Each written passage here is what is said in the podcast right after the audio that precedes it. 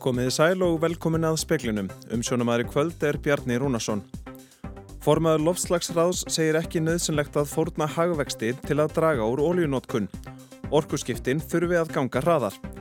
Ísland nær ekki markmiðin sinum í lofslagsmálum meðan innflutningur á ólíu er eins mikill og raunber vitni.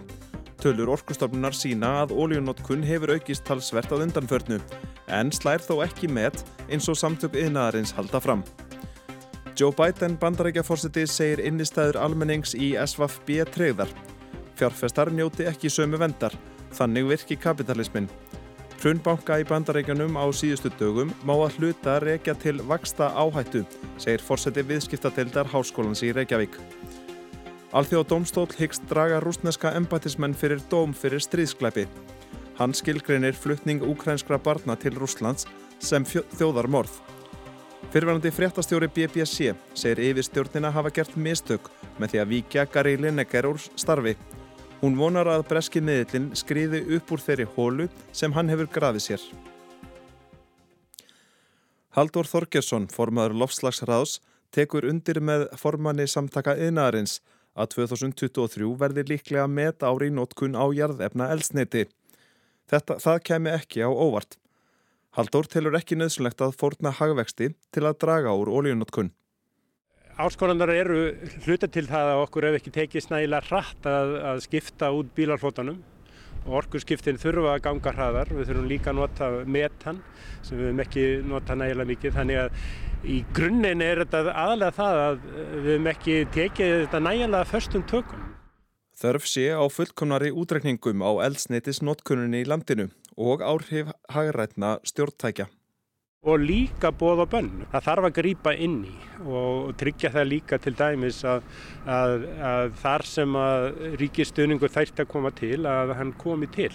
Þannig að við flítum til dæmis endur nýjum fiskýpaflótans. Hann telur ekki rétt að stilla hagvexti og jarðefna eldsneiti upp sem andstæðum. Þetta snýst um það að nota nýsköpu, nota bestu tækni, nota uh, skynsamalega stýringar til þess að, að verði sem mest verðmætta sköpun hver hvert einasta tonn sem er notað. Í dag erum við tölvöld að sóa uh, olíu og það er óafbygg uh, afstæða í dag. Saði Haldur Þorgesson, nánar verður fjallað um orkuskipti síðar í speklinum.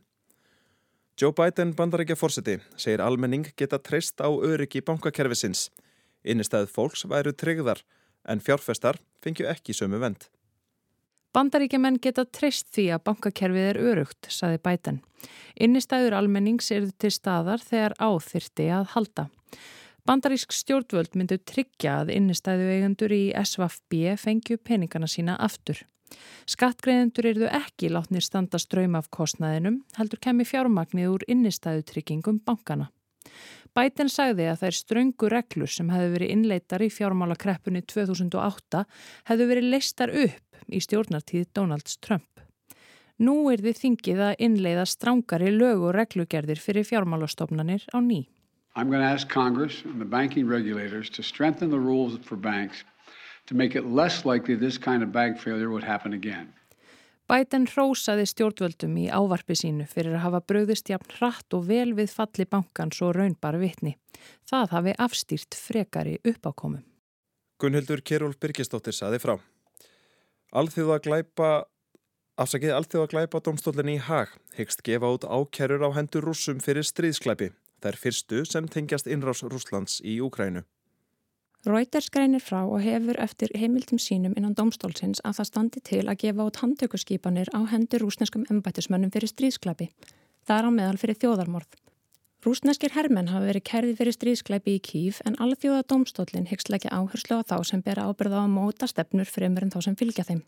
Meðal brota sem umræðir eru fluttningar ukrainskra barna frá heimalandi sínu til Rúslands sem alþjóða domstólinn skilgarinir sem þjóðamorð og áhersla rúsa á að ráðast á borgaralega innviði.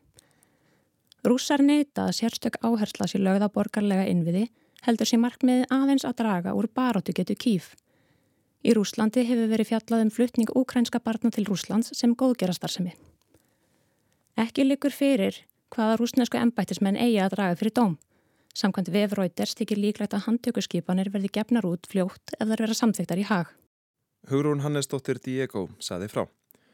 Fyrverandi fréttastjóri hjá BBC og CNN segir að yfirstjórn BBC hafi gert mistök með því að vikja Gary Lineker úr starfi, þótt tímabundið hafi verið. Yngibjörg Þórðardóttir, fyrirverandi fréttastjóri fjölmiðlana BBC og CNN, telur að stjórn breska ríkismiðilsins BBC hafi misreiknað afleiðingar þess að vikja Gary Lineker úr hlutverki kynnis í knatsbyrnu þættinum Match of the Day. Það gerði miðlinn vegna þess að Lineker viðraði skoðanir sínar á innflytjandastefnu stjórnvalda á Twitter. Ákvörðun BBC hefur dreyið dilka á eftir sér og miðlinn hefur nú neðist til að draga hana tilbaka. Yngibjörg starfaði á BBC í 15 ár og segir að því miður komi útspil miðilsins henni ekki sérstaklega óvart. BBC hafi alltaf verið með strángar reglur og réttlætt ímsar aðgerðir með þeim. Reglunar séu hins vegar oft byggðar á raungum forsendum og séu ekki í takt við hins síbreytilega nútíma. Þeir misreiknuðu viðbröðum frá fréttastofunni, þeir misreiknuðu viðbröðum frá öðrum innan sko, íþróttadeldarinnar og það var helst þegar að Ian Wright dróð sig út úr Match of the Day líka þar sem þetta virkilega fór að fara á niðurleið fyrir BBC. Þess að ég held að þeir hafi haldið að þeir myndu bara geta vikið Gary Lineker frá og það yrði ekkit meira. Yngibjörg segir að í sinni tíð hafi BBC yfirleitt staðið vel í lappirnar gagvar þrýstingi stjórnvalda. Það sé afar mikilvægt í heiminum í dag að hafa fréttamiðla eins og BBC og aðra óháða miðla þar sem fólk vilji virkilega gera góðar fréttir. Þannig að ég vonar svo sannlega að BBC muni ná að, að skrýða upp úr þessari húlu sem það búið að grafa sjálfur sér og, og, og fólk missi ekki algjörlega tröst á, á stopnunni vegna þess að, að ef hún er að gera hluti vel þá er hún virkilega, virkilega mikilvægt saði Ingi Björg Þórðardóttir, Gunnhildur Keról Birgisdóttir, tók saman. Heitavarsnótkun á veitusvæði Norðurorku á Akureyri hefur vaksið meira en gert var ráð fyrir. Nýjasta veitusvæði við Hjalteri er komið að þólmörkum og nöðsynlegt að hefja leitað nýjum heitavaslendum. Heitavarsnótkun Akureyringa vexum rúm 2% á ári og frá aldamótum hefur orku þörf heitaveitu Norðurorku tvöfaldast. Við rauninni á kvöldustu dögum eru við að keira á topp afkvöstum. Þá eru við rauninni að kreista út úr öllum okkar hittaveitum uh, hámars afkvöst segir Eithor Björnsson fóstjóri Norðurorku. Árið 2002 var fyrsta hólan virkjuð á nýju veitusvæði við Hjalteyri og síðan þá hafa tvær hólu verið boraða til viðbótar. Eithor segir þetta afar öflugt svæði sem í raun hafi orði mikilvægara en til stóði byrjun. Þarna sé í dag aðal heitavas uppspretta Norðurorku. En Hjalteyra svæði er ekki ótæmandi. Það er í rauninni þannig að við erum komin á þólmörkum þarna. Svona það eru vísbendingar um það að, að, að þetta sé að vera fullnýtt en við erum með stöðu að rannsóknir á svæðinu til þess að uh, átt okkur á því hver getan er, hvort hún sé meir en hún er í dag. Mm. Þannig að við erum svona leita leiða til þess að bæta í því að þetta er mjög uh, öflugt svæði. Saði Eithor Björnsson, Ágúst Ólafsson talaði við hann og nánar verður fjallað um þetta í sjóarsvettum klukkan sjö. Eldur kviknaði í bíl á Suðurlandsvegi og varlega í kömbunum skömmu fyrir klukkan fjögur. Tveir ferðamenn á leið til Reykjavíkur á tvinnbíl þurftu að flýta sér út þegar eldur kom skindilega upp í honum, að sög Pétus Pétussonar, slökkulistjóra brunavarna Árnesíslu. Hann segir engan hafa slasast en bílinn hafi brunnið til kaldra kóla á samt þeim eignum sem fólkið hafði meðferðis.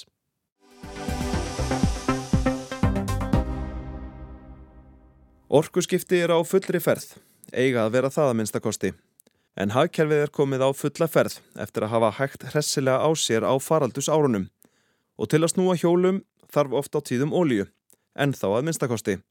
Samkvæmt tölum frá samtökum yðnaðarins er búist við því að met verði slegið í innflutningi á ólíu hinga til lands á þessu ári. Það met er síðan 2018. Þetta rýmar ekkert sérstaklega við markmið stjórnvalda í loftslagsmálum. Spá orkustofnunar gerir ráð fyrir að hluteld jarðefna eldsneitis mingi á næstu árum og aðrir kostir komi í staðin. Þar á meðal ramagn, en eins og kom fram á ársfundi landsvirkjunar í seinustu viku og hefur verið vitað, þá er raforkukerfið full nýtt og ekki liggur fyrir hvort og hvenar verður virkjað meira á næstunni. Þar sem sveitafélög segjast ætla að standa á skipulagsbremsunni, þar til lög verði gerð skýrari og meira sitt í eftir hjá þeim en raunber vitni. Orkan sé öll flutt í burtu og það sé ekkert endilega svo draum sín sem það kann að virðast að hafa orkuvinnslu í bakarðinum hjá sér.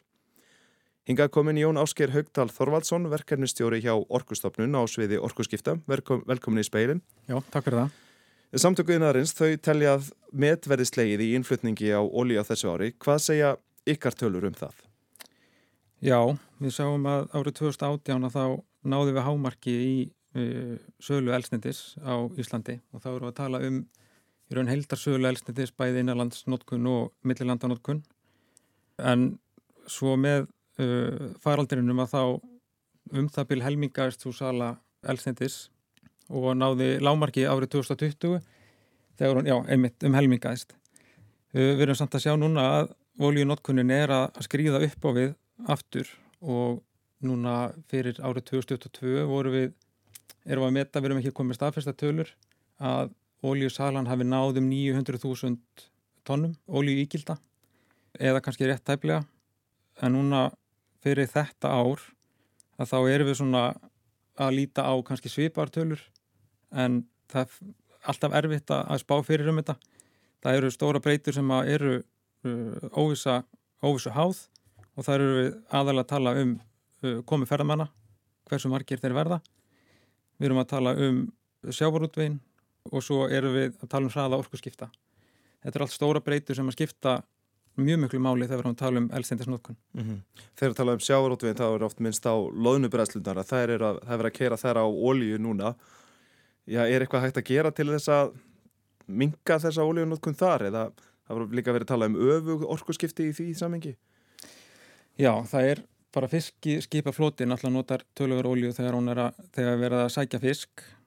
Svo er það fiskbræðslunar, þar nota að langmestu leiti rávorku. Það er uh, núna í þegar ávorkuskorturinn kemur upp að þá þurfa að vera að nota olju til bræslu og það er náttúrulega bara að keppast við að reyna að nota rammagnir sem vestuleiti að nota ekki olju til bræslu en það er náttúrulega bundi samningum hvernig slikt er háð í þegar skortur eru á rávorku. Mm -hmm. Þetta skýtur svolítið skokku við að á sama tíma við erum að reyna að keira á orkuskipti að þá sé oljunotkunna aukast og við séum að nálgast einhvern met í því samhengi. Já, þegar bara umsögun aukast núna eftir faraldurinn að þá er notkunnun að aukast aftur. Við erum þó að taka alveg nokkur skref í að reyna að draga úr elsendisnokkunn og það er, uh, er orkusjóður, uh, náttúrulega stór aðili og er að veita núna styrki, er að auglýsa styrki uh, fyrir orkuskiptaverkefni, bæði til framleyslur af elsendis til dæmi og, og hvaða verkefni sem er sem að getur raun, dreigið úr oljunotkunn sinni. Orkusjóður hefur verið að styrkja bæði innviði og orkusskiptaverkefni en þetta er náttúrulega stór biti að vinna á allir þessar oljunótkun sem við byggjum okkar samfélag að miklu leita á. Mm -hmm. Þið gefið út eitthvað sem heitir eldsneitis spá og það hefur verið gaggrínt að forsendur þessara spár sé ekki nógu góðar meðal annars af lofslagsráði. Er þessi spá, er hún nógu áreynarlega að þarf að breyta henni með einhverjum hætti? Uh, spáin er alltaf erfitt að gera spár með mjög breytilegum og, og hérna, sveiplanlegum fórsendum uh, og þess vegna fóru við það skref núna að, að gefa út svo kallar orkuskipta líkan þar sem við leifum notendum að fykta sjálf í fórsendunum. Þá er þetta sjá strax hvaða áhrif það hefur að breyta komu fjöldaferðamanna, breyta umsöfum í eh, sjáurútvei og nýskráningum bifræða, hversu margir bílarnir verða og hversu hröð orkurskiptin verða þar í nýskráningum uh, rafbíla og slíkt. Mm -hmm. Þannig að þetta, uh, við erum að stíga skrefi að reyna að gera spanna sveianleiri, að það sé hægt að vinna betur með fósendur og sjá áhrif breytur af fósenda. Því að það er enginn sem veit nákvæmlega hvaða, hvernig framtíðin verður, en við erum að reyna að gefa fólki góða mynd af því hvernig hún getur litið út með breytanlega fósendum. Mm -hmm. En til þess að þessi orkurskipti geti farið fram, hvað er hvað er til ráða? Þarf að takmarka óljunótkunni eða innflutning eða komið ferðamanna? Hvað, hvað getur við gert? Það er vissulega þannig að með komið ferðamanna þá þarf orku. Það þarf að keira bílalögu bíla á rútur og flýið kemur með einhverjum hætti og það, til þess þarf orku. Og ef við ætlum ekki að nota jærafna elsniti að þá þarf einhvern megin að stiga inn og, og reyna að breyta því í aðra orkugjafa og, og það er reynilega bara næstu skrif er að skoða hvernig er hægt að flýta því sem með skynsanlegustum hætti mm -hmm. Það er ekkert sem bendi til þess sérstaklega að þessi þróun breytist. Það er vona fleiri ferðamönnum, sjávarútvörin, hann er ekki að hætta. Það er ekki að sjá að það séu stórvægilegar virkjanir að fara að rýsa á næstu mánuðum. Hva, hvernig sjáu þetta fyrir ykkur á næstu árum? Já, ef við lítum á orkurskipta líkani sem við, við gáum út núna uh, fyrir stuttu, að þá samkvæmt grunnsviðsmyndinni þar sem við horfa á nokkuð óbreyttar uh, aðstæður, að þá erum við að sjá að við erum ekki uh, að ná skuldbindingum eða markmiðum Íslands í lofslagsmálum og sýrilagi ef að, að það er verða nær 55% samdrætti en, en aftur á móti þá gefur líkanið svona kosti á því að sjá hvaða breytur við getum breytt og haft áhrif á til þess að, að ná betri niðurstöðu. Þannig eins og staðinu núna þá erum við ekki að náð okkar markmið? Uh, nei. Jón Ásker Högdal Þorvaldsson, takk hjá það fyrir komuna í speilin. Takk.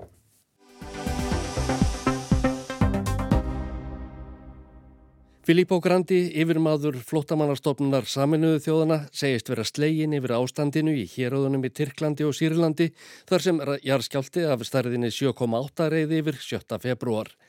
Grandi er nýkomin heim úr eh, fimm daga kynnisferðum skjáltasvæðið. Þar rættan við fólk sem lifði hamfarirnar af og einnig hjálpar starfsfólk sem vinnur við að hlúa þeim sem mistu allt sitt í ósköpunum. Samkvæmt opinberum upplýsingum létust 54.000 í skjáltanum. Griðarlegt tjón varð á byggingum í héröðunum þar sem 23 miljónir búa.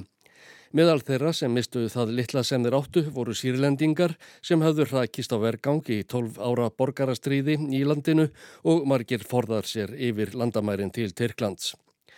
Filippo Grandi sagði við heimkomuna að eðileggingin sem við honum blasti hefði verið óskapleg. Miljónir stæði upp í slippar og snauðar, hefðu þurft að flytja inn á ættingja eða hafast við í neyðarskílum sem komið var upp eftir skjáltana. Þetta fólk ætti allt sitt undir aðstóð hjálparstofnana. Hann sagði að vel hefði verið brugðist við fyrst eftir skjáltana með því að senda þangað matvæli, tjöld, rúm, dínur, hitateppi og annað sem fólk þurfti nöðsynlega á að halda til að lifa af í vetrarkuldanum. Auk þess að ræða við fólk á hamfarasveiðunum hitti Filippo Grandi ráðamenn í Ankara, Hatay, Gaziantep í Tyrklandi og í Latakia, Hama og Damaskus í Sýrlandi. Hann segði að fólk væri almennt þeirra skoðunar að tími væri komin til að færa hjálparstarfið á annað steg. The authorities and the people told me that the main challenges at the moment are first of all housing. Repairs are needed Reconstruction is needed.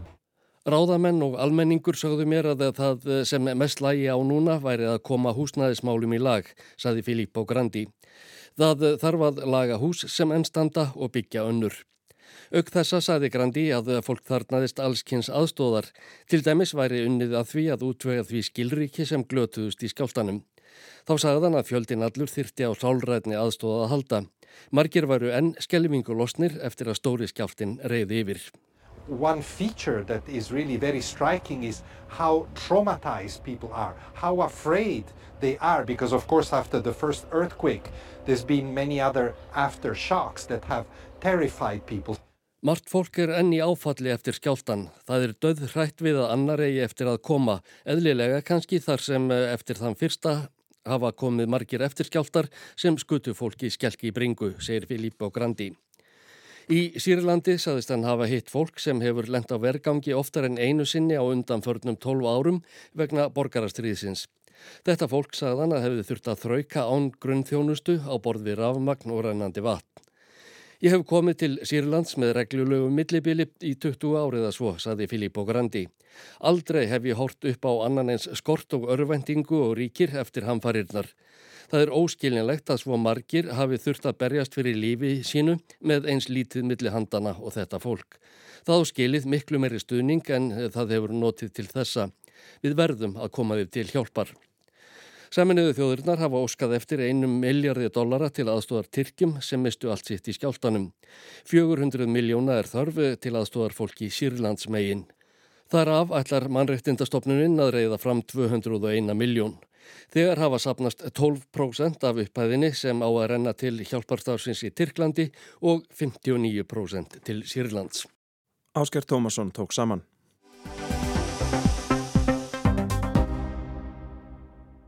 Bandaríkjastjórn segist munu gera hvað sem þar til að tryggja öryggi bankakerfisins og innstæður reikningseiganda. Bandaríkja fórsendi áreita í dag að skattgreðendur myndi ekki bera þungan af greiðslum til þeirra sem áttu peninga á reikningum hjá Silicon Valley banka í Kaliforníu, SFB, sem var lokað á förstu dag, eða hjá Signature banka í New York sem var tekinn yfir um helgina. Fólk geti fengið jafnvel meira en lágmarks innstæðutryggingu og fjöðirið sótt í lefiskreislu banka. Það er ekki ósett kjö sem bandargeð fórseti stígu fram því fall SVP er stærsta bankafall vestra frá því hruninu 2008 og gengi hlutabriða víða um heim lækkaði við opnum markaði morgun. Jón Þór Sturluson, hagfræðingur og fórseti viðskiptadeildar Háskólans í Reykjavík segir að þessi bankar eigi það sammert að þeir starfa á mjög þraungu sviði útlana, annar lánaði helst til nýsköpuna fyrirtækja í tækningeranum, hinn átti mikil viðskipti í kryptoegnum eða rafmyndum. Þannig að kannski svona þröngt egnarsapn eða, eða einhæft egnarsapn er kannski einkynni þessar að þau ekki banka. Hitt er sem þeir eiga sammertar þegar það hafa vaksið gríðala rætt á, á síðustu árum og margir reykja það til í rauninni áhrifa af heimsfaraldri COVID að það leiti til þess að innstæður í þessum böngum júkust mikið, það gekk vel í þessum geirum sem að þarna er undir. En útlán þessara banka júkust ekki að sama skapi. Þannig að, að þessi banka bröðust við með því að, að fjárfesta í afar tryggum egnum að tali var. Ríkiskuldabrefum og fastegnatrygðum skuldabrefum en um, þeir lendi í annari áhættu sem að, að stundum glemist, eru ólík þeirri sem að reyndi á hérna 2008 og það var vaksta áhættu eða fast vaksta áhættu í rauninni að þegar að síðan að, að faraldurinn með laug, þegar að selabankar snýru við blæður og fóru að hækka vexti á nýjaleg að þá uh, röpuðu þessar egnir í verði. Þessar, þessar örugu egnir lækkuði í verði mjög hrætt Það að bankarnir störfuði áhættu sömu umhverfi á borðið tækningeran og rafmyndir skýra þá ekki falleira í grunninn, segi Jón Þór, þó að mögulega skýri það hinn mikla og hraða vöxt þeirra. Á tveimur árum hefur til dæmis Silicon Valley Bank vaksið um 85%. Þannig að það er alltaf uh, áhugjefnið þegar banki svona rætt því það er erfitt að finna góða regnir á, á mjög skömmun tíma og ekki endilega að innviðir bankans áhættu stýringu en að slikt sé það burðu að, að, að það geti bröðist við nýri áhættu sem, sem að kemur upp. En nei, það voru svona kannski þessar öröku egnir sem að örðu þessum banka að falli því að það er hröpuð í verði þegar að, að vakstastík fór almennt að, hækka í, í heiminum út á einhverjum í bandaríkjum. En hvað finnst þér um viðbröð bandarískra stjórnvalda?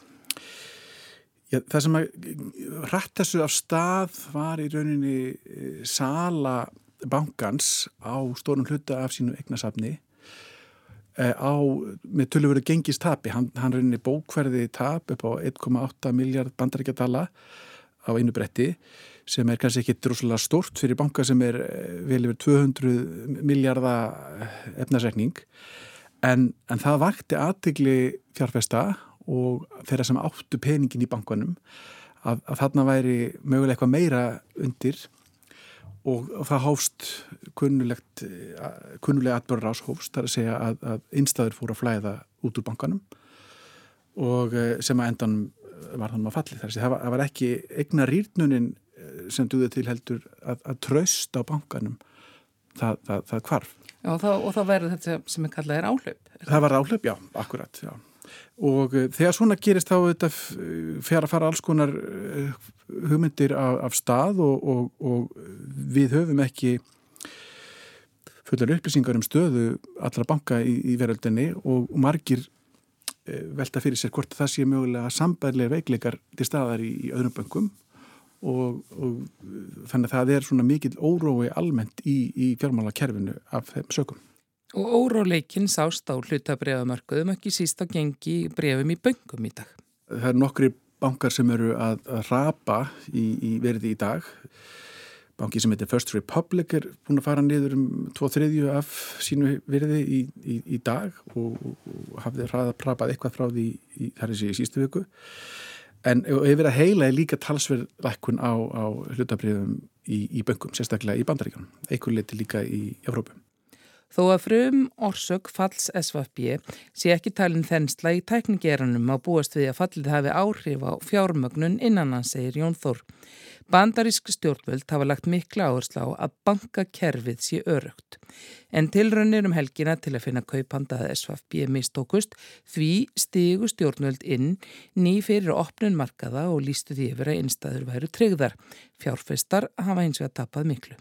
Og tilgangun er náttúrulega til þess að reyna að passa að þetta smittist ekki yfir á aðra banka. Og hinn aðgjörðin sem greipið var til og er, er, hefur líka þann tilgang að reyna að draga úr áttanum við það að sambærli hlutur geti gerst í öðrum bankum og það er að, að tryggja í rauninni auðvelda fjármögnun banka í, í bandaríkjanum með svona egnir, svona örugar egnir að veði. Þeir, þeir þurfi ekki að fara þá í einhvers konar neyðar sölu á, á miklum afföllum. Heldur þau að þetta sé eitthvað sem að muni ná, nástu utanum núna bara á næstu dögum eða er raunveruleg hætta á smiti og, og falli annara? Ég hef ekki upplýsingar til þess að svara því en, en, en það er lúst að það er titringur sem að stafar af óvissum hver raunveruleg staða í, í mörgum bankum er og það tekur ákveð tíma að fá það á reynd e, maður les það í fjölmjölum að, að mennur eru þrjafarnir að, að kasta svo litið skuldinni á annan. Og eitt af því sem að, að eh, hefur verið nefnt í dag er að eh, stjórnvöldi bandarækjum hafi dreigið úr kröfum á smerri fjármálafyrirtæki í, í bandarækjunum sem þessi er rauninni flokkast undir. Og að þau rauninni sé þá ekki látin bera viðbótar kröfu um eigið fíi sem samsvarar þeirri vaksta áhættu sem, sem að, að þau bera á sínum efnarsreiningi og einhverju leiti geti, geti þetta verið rétt sko að það sé að hafi verið kannski stíð of langt skref tilbaka frá því að reglur voru hertar hérna eftir hrun. Er þetta eitthvað sem að hefur áhrif hér upp á Íslandi? Eða er einhver lærdómur sem hægt er að draga af þessu? Ég hef ekki vittnesku um að neitt íslenskur banki eða fjármálafyrirtæki hafi svona, svona stóran hlut af sínum eignum í, í þessum flokki að, að þó að hér hafi líka vextir hækkað og þessar eignir lækkaði verði að það sé sambarilega vandamál. Ég, ég fylgist ágætlega með og held að það sé að var ósennilegt. En, en það er hins vegar sambarilega merki hér um viðbröð markaða við þessum atbyrðum. Í rauninni einn lærdómur sem að margir í bandaríkinum draga núna er að, að það hafi verið farið of geist í hækkun stýravaksta og að uh, sá lærdómur hafi núna verið dregin að, að það muni hæja svo litið á og það má sjá jafnvel að mörgum hér á Íslandi uh, á hvernig viðskipti eru með skuldabrið fyrir Íslandi að, að það sé svona sami tónin að menn búist við því að það verði kannski ekki eins mikil hækkun allavega á stýravöxtum framönda. Saði Jón Þór Sturluson, Anna Kristín Jónsdóttir talaði við hann. Það var helst í speiklunum í kvöld að formaður lofslagsráðs segir ekki nöðsynlegt að fórna hagvexti til að draga úr ólíunótkun. Orkuskiptin þurfi að ganga hraðar. Ísland nær ekki markmiðin sínum í lofslagsmálum meðan einflutningur á ólíu er eins mikill og raunber vitni. Tölur orkustofnunar sína að ólíunótkun hefur aukist talsvert að undanförnu en slær þó ekki með eins og samtöku yðnaðarins halda fram. Joe Biden bandarækjaforsiti segir innistæður almennings í SVFB treyðar fjárfestar njóti ekki sömu vendar. Þannig virki kapitalismin. Alþjóða domstól hyggst draga rúsneska empatismenn fyrir dóm fyrir stríðsklæpi. Domstólinn skilgreinir fluttning ukrænskra barna til Rúslands sem þjóðar morð. Og veðurhorfurnar, norðan 5-13 metrar á sekundu en norðvestan 15-23 á östfjörðum og sunnan vatnajökuls. Jél fyrir norðan annars bjart með köplum. Dregur heldur úr vindi í kvöld en aftur norðan 5-13 metrar á sekundu á morgun og norðvestan 15-20 austast. Víða jél en að mestu bjart sunnan og vestan til, frost 1-10 stygg.